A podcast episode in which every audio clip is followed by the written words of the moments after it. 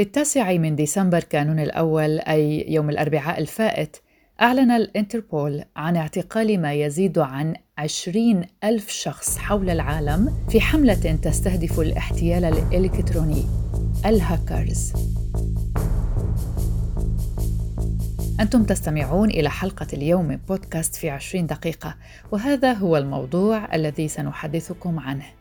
كما سنتوقف مطولا عند ما صرحت به شركة مايكروسوفت عن أن جائحة كورونا كانت سببا في ارتفاع عمليات القرصنة وأيضا سنحدثكم عن الأعمال الخيرية التي حصلت هذه السنة من خلال الهاكرز. سيكون ضيفنا في حلقة اليوم السيد فيليب كاسبريان المدير التجاري لمجموعة انتركوم الوكيل الرسمي في سوريا لشركة كاسبر سكاي وهي واحدة من الشركات الرائدة عالميا في مجال الأمن الإلكتروني. أهلا بكم. نعود لإعلان المنظمة الدولية للشرطة الجنائية الانتربول والتي قالت فيه إن سلطاتها اعتقلت ما يزيد مجموعه عن عشرين ألف شخص في العام الماضي في كل العالم أي في كل القارات في حملة تستهدف الاحتيال الإلكتروني وعبر الهاتف. الحملة بدأت في سبتمبر أيلول 2019 شاركت 35 دولة في العملية التي أطلق عليها اسم بزوغ الضوء وأدت إلى توقيف 21 ألفاً و549 شخصا في أكثر من عشرة آلاف مداهمة إضافة إلى ضبط 154 مليون دولار تقريبا من الأموال غير الشرعية. وهذا هو أول تعاون على مستوى دولي بين وكالات تطبيق القانون والإنتربول لمحاربة الاحتيال عبر الاتصال مع عمليات تجري في كل قارة. وفي أعقاب مرحلة تطبيق بين ديسمبر أيلول ونوفمبر تشرين الثاني العام الماضي أصدر الإنتربول ثلاث مذكرات يطلق عليها مذكرات قرمزية تعرض تقنيات ومعدات استخدمت في عمليات احتيال عبر الهاتف واحتيال استثماري ومخططات احتيال تستغل جائحة كوفيد-19 حيث تكاثرت عمليات الاحتيال هذه خلال أزمة فيروس كورونا المستجد بحسب المنظمة. الانتربول قال إن التحقيق يؤكد على الطبيعة العابرة للحدود للعديد من عمليات الاحتيال الإلكتروني وعبر الهاتف حيث كثيرا ما يعمل الجنات انطلاقا من دولة أو حتى من قارة مختلفة عن ضحاياهم. ومعظم الجرائم المتهم بها المشتبه بهم تتضمن عنصر هندسة اجتماعية حيث يتم التلاعب بالضحايا لإعطاء معلومات شخصية مثل كلمات السر أو التفاصيل المصرفية كما تم رصد حالات من الاختراق البريدي الإلكتروني لشركات واحتيال رومانسي واحتيال تستخدم بموجبه رسائل نصية قصيرة في محاولة لإقناع المستهدفين بتسليم تفاصيل قيمة في البريد الإلكتروني. إضافة إلى اتصال المحتالين بضحاياهم عبر الحدود الدولية، فإن الأموال التي جمعت من الضحايا قد تشمل على الأرجح دول متعددة، لأن المجرمين يستخدمون حسابات بنكية أو مهربي أموال لنقل هذه المبالغ. وكان من المقرر أن يعقد الإنتربول جلسته العامة السنوية هذا الشهر أي ديسمبر كانون الأول لكن أجبر على إلغائها بسبب وباء كورونا قبل أن نكمل حلقتنا مع الدول المتصدرة في الهجمات الإلكترونية سيحدثنا ضيفنا السيد فيليب كاسبريان وسيخبرنا بشكل سهل ومبسط من هم القراصنة أو الهاكرز مجرمي الاحتيال الرقمي ومن الأخطر بينهم. هن الهاكرز أنه مين هدول الأشخاص؟ يعني أنه مين وراهم؟ أو هن شو خلفيتهم؟ أو هن شو دراستهم؟ هلا فينا كمان يمكن نصنفهم تصنيفين يعني آه، أو شريحتين. من شريحة هن هواة إنه من باب إنه يعني يمكن ما يكون دراسته مثلا ما دارس آه، معلوماتية أو ما بس هو عامل دورات معينة قاري قصص منزل برامج. أه والله أنا بدي أخترق اليوم عم حاول أخترق website لجهة معينة. إنه لأرضي حالي إنه أنا اخترقته. إنه قدرت إنه أه مثلا ساوي له قصة كركبه. يعني ما بيكون في من وراه جهة عم تشتغل. يعني هي بس إرضاء نفس. هدول خلينا نصنفهم إنه يمكن ما بيضروا كتير لأنه ما بيكون من وراهم استفزاز مادي أو إنه بدهم يسرقوا data أو قصص معينة. هلأ الاخطر هن الناس المنظمين يعني هدول بيعتمدوا على برامج كتير مدروس عليها عم بيطوروها. في قصص جديدة هن عم يضيفوا شفرات إنه ليصعبوا موضوع إنه اكتشافها. مثلا ال antivirus مثلا عم بيتطور. مثلا ال antivirus ال antivirus ات بشكل عام. يعني ما نحن ما بنحكي على antivirus معين بحد ذاته. مثلا كل ما لهم ليش خلينا نقول بيطلع version جديد update update update لأنه كل ما لهم خلينا نقول الناس اللي عم يشتغلوا على موضوع ال hacking كمان عم يشتغلوا عم يطوروا حالهم. يعني في جهات وراهم. هدول الناس اللي خلينا نقول الضرر من وراهم. لأنه مثلا اخترقوا شركة معينة بلشوا وبأول جهاز ثاني حلاوة الموضوع مو حلاوة سوء القصة يعني بالنسبة لهم للجهة اللي صابت ضرر. انضرب جهاز عن طريق الشبكة في قابل إذا الجهة ما أخذت احتياطها الصح في قابل مثلا عندها ألف جهاز انضربوا الألف جهاز إذا الشبكة مخترقة. سألنا ضيفنا أيضا كيف يمكن الحماية من الهاكرز بالنسبة للأشخاص وأيضا بالنسبة للشركات. سيشرح لنا مسؤول ال IT السيد فيليب كاسبريان ذلك. بصراحة هو أي شخص أو أي جهة معرضة تكون آه، ضحية للهاكرز. هلا كأشخاص إذا صنفناهم يعني صنفين كأشخاص وكشركات. كأشخاص أكيد معرضين عن طريق خلينا نقول أجهزتهم الخليوية أو حواسبهم الشخصية وأكيد عن طريق الراوتر. هلا ما في بيت إلا فيه راوتر. تمام؟ فأول خطوة للحماية بين هالموضوع خلينا نقول موضوع ال password. يعني موضوع ال password موضوع كتير مهم. لازم ال password ما تكون password سهلة على هاي الأجهزة. يعني ما تكون ال password ات ال default اللي بالعادة نحن بنستعملها. يعني خلينا نقول مثلا أنا حاط password للراوتر مثلا ال username هو admin وحاط أنا admin كمان. يعني أنا ملاحظ إنه أغلبية الباسوردات الراوترات يا ادمن يا واحد اثنين ثلاثة أربعة. يعني ال default اللي هي بتجي. هذا أكبر غلط بصراحة لأنه يعني هي أول خطوة إذا أنا النت مخترق فخلاص يعني سهلت الموضوع كتير. فموضوع الراوتر لازم يكون محمي بشكل جيد يعني ال password تكون صعبة. نجي نرد على أكيد ال password الجهاز يعني جهاز الخليوي.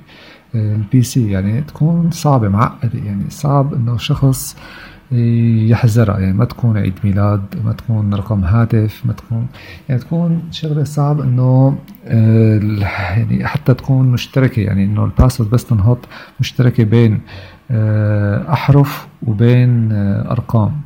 بين مثل ما بيطلب مثلا بالإيميل وقت أي شخص بده يساوي إيميل فينا إذا ملاحظين إنه بيطلب منا إنه تكون فيها capital letter small letter فيها مثلا at فيها يعني ما تكون ال password ال default لأنه كل ما صعبناها كل ما هي البرامج أو الناس اللي عم تشتغل هالبرامج الهاكرز بنكون نحن عم نصعب الموضوع عليهم.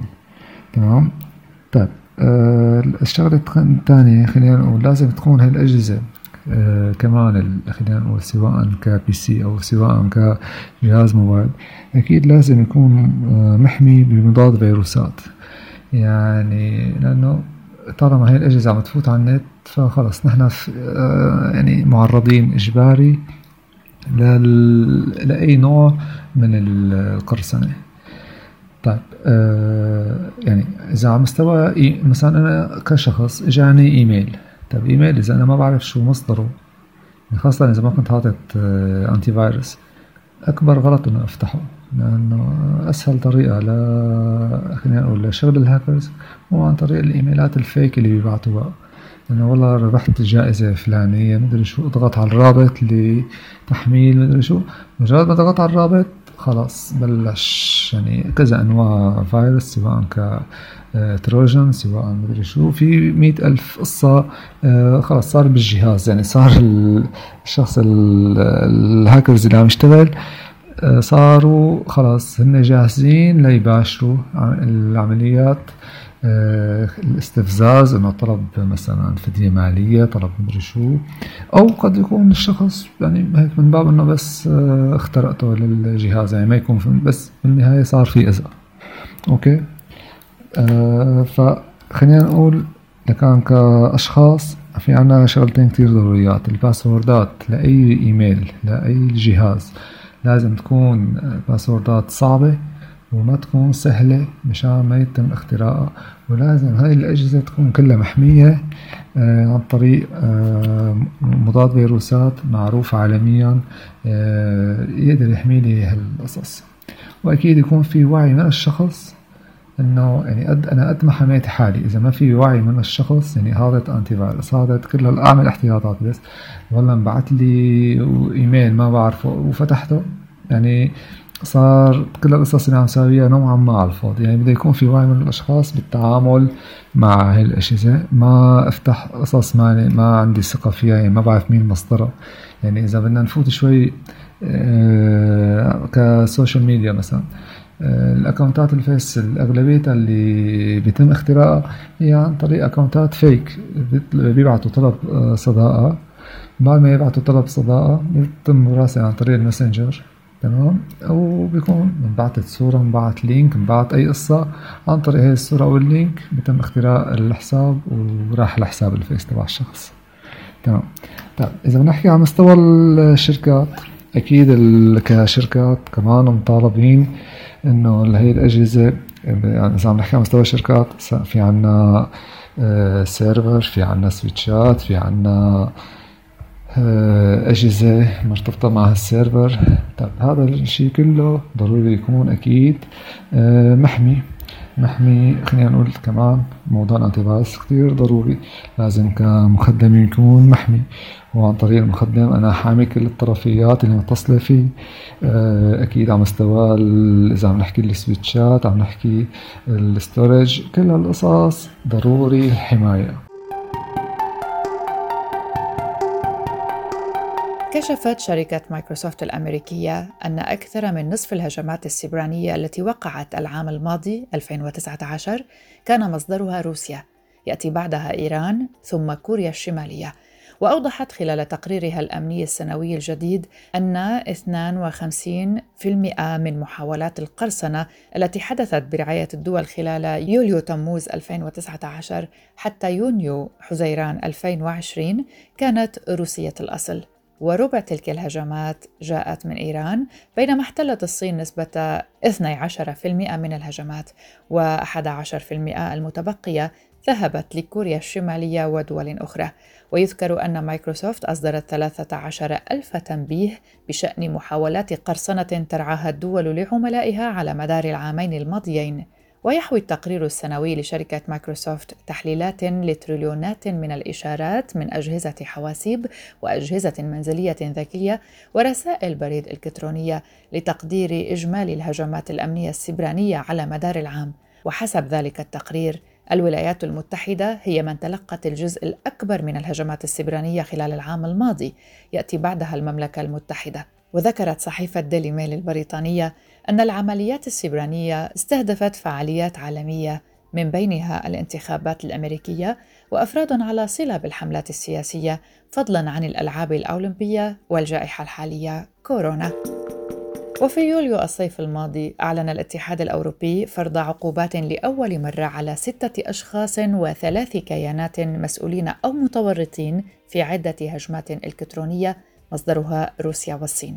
بحسب الاتحاد الأوروبي إن العقوبات تستهدف الاستخبارات العسكرية الروسية وشركة صينية وشركة كورية شمالية مرتبطة بمجموعة قراصنة إلكترونيين وأربعة مواطنين روس ومواطنين اثنين من الصين وتشمل العقوبات منعا من دخول الاتحاد الأوروبي وتجميدا للأصول ويحظر على مواطني وكيانات الاتحاد الأوروبي والشركات التجارية فيها من وضع أموال والدخول في معاملات مع كيانات شملتهم قائمة العقوبات. حسب شركة مايكروسوفت أيضا كل دولة في العالم شهدت هجوما ربط بمسألة جائحة كوفيد-19 منذ بداية انتشارها وقد ازدادت أعداد الهجمات الناجحة مع نمو المخاوف والرغبة في مزيد من المعلومات بشأن فيروس كورونا المستجد. أشارت الشركة خلال تقريرها السنوي أيضا إلى أن موضوعات الروابط المخادعة ومحاولات الاحتيال تمثل انعكاسا لقضايا اليوم المعاصرة. أشارت إلى أنه عندما يتعرض أحد عملاء مايكروسوفت لعملية استهداف سواء كان شخصا أو مؤسسة ترسل له الشركة إشعارا لتنبيهه. وبحسب وحدة الجرائم الرقمية في مايكروسوفت فإن مجرمي الإنترنت انتهازيين.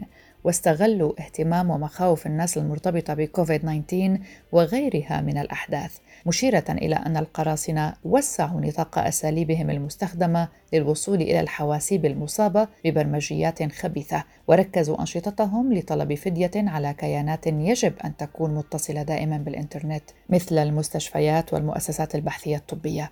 حتى أبحاث لقاح كورونا لم تسلم من القرصنة. في الربيع المنصرم تعرضت المؤسسات والجهات العاملة على التصدي لفيروس كورونا المستجد في المملكة المتحدة والولايات المتحدة الأمريكية لهجوم سيبراني من قراصنة مدعومين من دول من المرجح أن تكون الصين وروسيا وإيران. وذكرت التقارير أن المتسللين حاولوا سرقة البيانات من الجامعات ومعاهد البحوث التي تعمل على تطوير لقاح فيروس كورونا.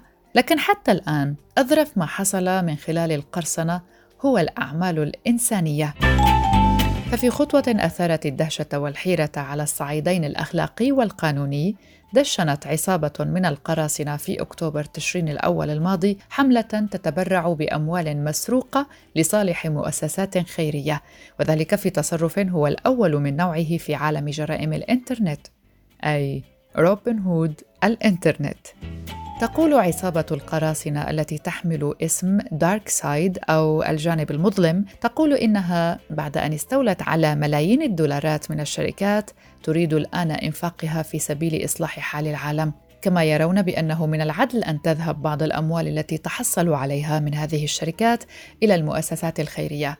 ونشرت دارك سايد على ما يعرف بشبكة الويب المظلمة نشرت إيصالات بمبالغ عملات رقمية مشفرة تعادل قيمتها عشرة آلاف دولار كتبرع لمؤسستين خيريتين هما Children International التي تدعم أطفالا وعائلات من مجتمعات مختلفة. وصرحت هذه المؤسسة إذا كانت التبرعات مرتبطة بقراصنة فلا ننوي الاحتفاظ بها. والشركة الثانية هي The Water Project وهي مؤسسة تعمل على تحسين قدرة الوصول إلى مياه نظيفة في أفريقيا وبدورهم أيضا لم يستجيبوا. ودعت عصابة دارك سايد يوم الثالث عشر من أكتوبر تشرين الأول الماضي في منشور على مدونة أنهم لا يستهدفون بهجماتهم إلا شركات ذات الأرباح الوفيرة من خلال اختراق أجهزتها والحصول على فدية منها وتصيب الهجمات أنظمة تقنية المعلومات لدى الشركات المستهدفة بالشلل حتى تدفع الشركات الفدية المطلوبة للمهاجمين. تعد هذه العصابة وافدا جديدا بشكل نسبي على الساحة، لكن تحليلا لسوق العملات الرقمية المشفرة يؤكد أنها تبتز أموالا من ضحايا. وثمة قرائن على وجود روابط بين دارك سايد وعصابات إلكترونية أخرى مسؤولة عن شن هجمات على شركات كبرى من بينها مثلا شركة ترافيليكس التي وقعت ضحية لهجوم يتطلب فدية في يناير كانون الثاني يرى خبراء أن هذه الواقعة تلقي الضوء على مدى التعقيد وحجم المخاطر التي تنطوي عليها تبرعات من جهات مجهولة الهوية.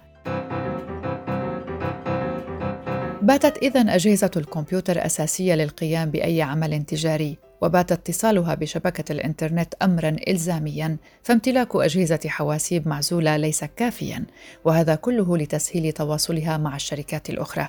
هذا الأمر يعرض الشركة للعالم الخارجي وللتهديد الأمني من قبل أشخاص يمكنهم أن يقوموا بأعمال يمكن عبرها الاعتداء على خصوصية المستخدم والاحتيال عليه وسرقة بياناته أو بيانات الشركة التي يعمل فيها. هذه العملية هي القرصنة. وهذه حلقتنا للحديث عن آخر أخبار القرصنة حول العالم. هذه الحلقة كانت من إعدادي وتقديمي براء صليبي وساعدتني في الإعداد مشكورة صديقتي الصحفية يالا فهد. شكرا لكم لحسن المتابعة. نتمنى لكم مشاكل أقل مع أجهزتكم وهكر أقل في حياتكم. إلى اللقاء.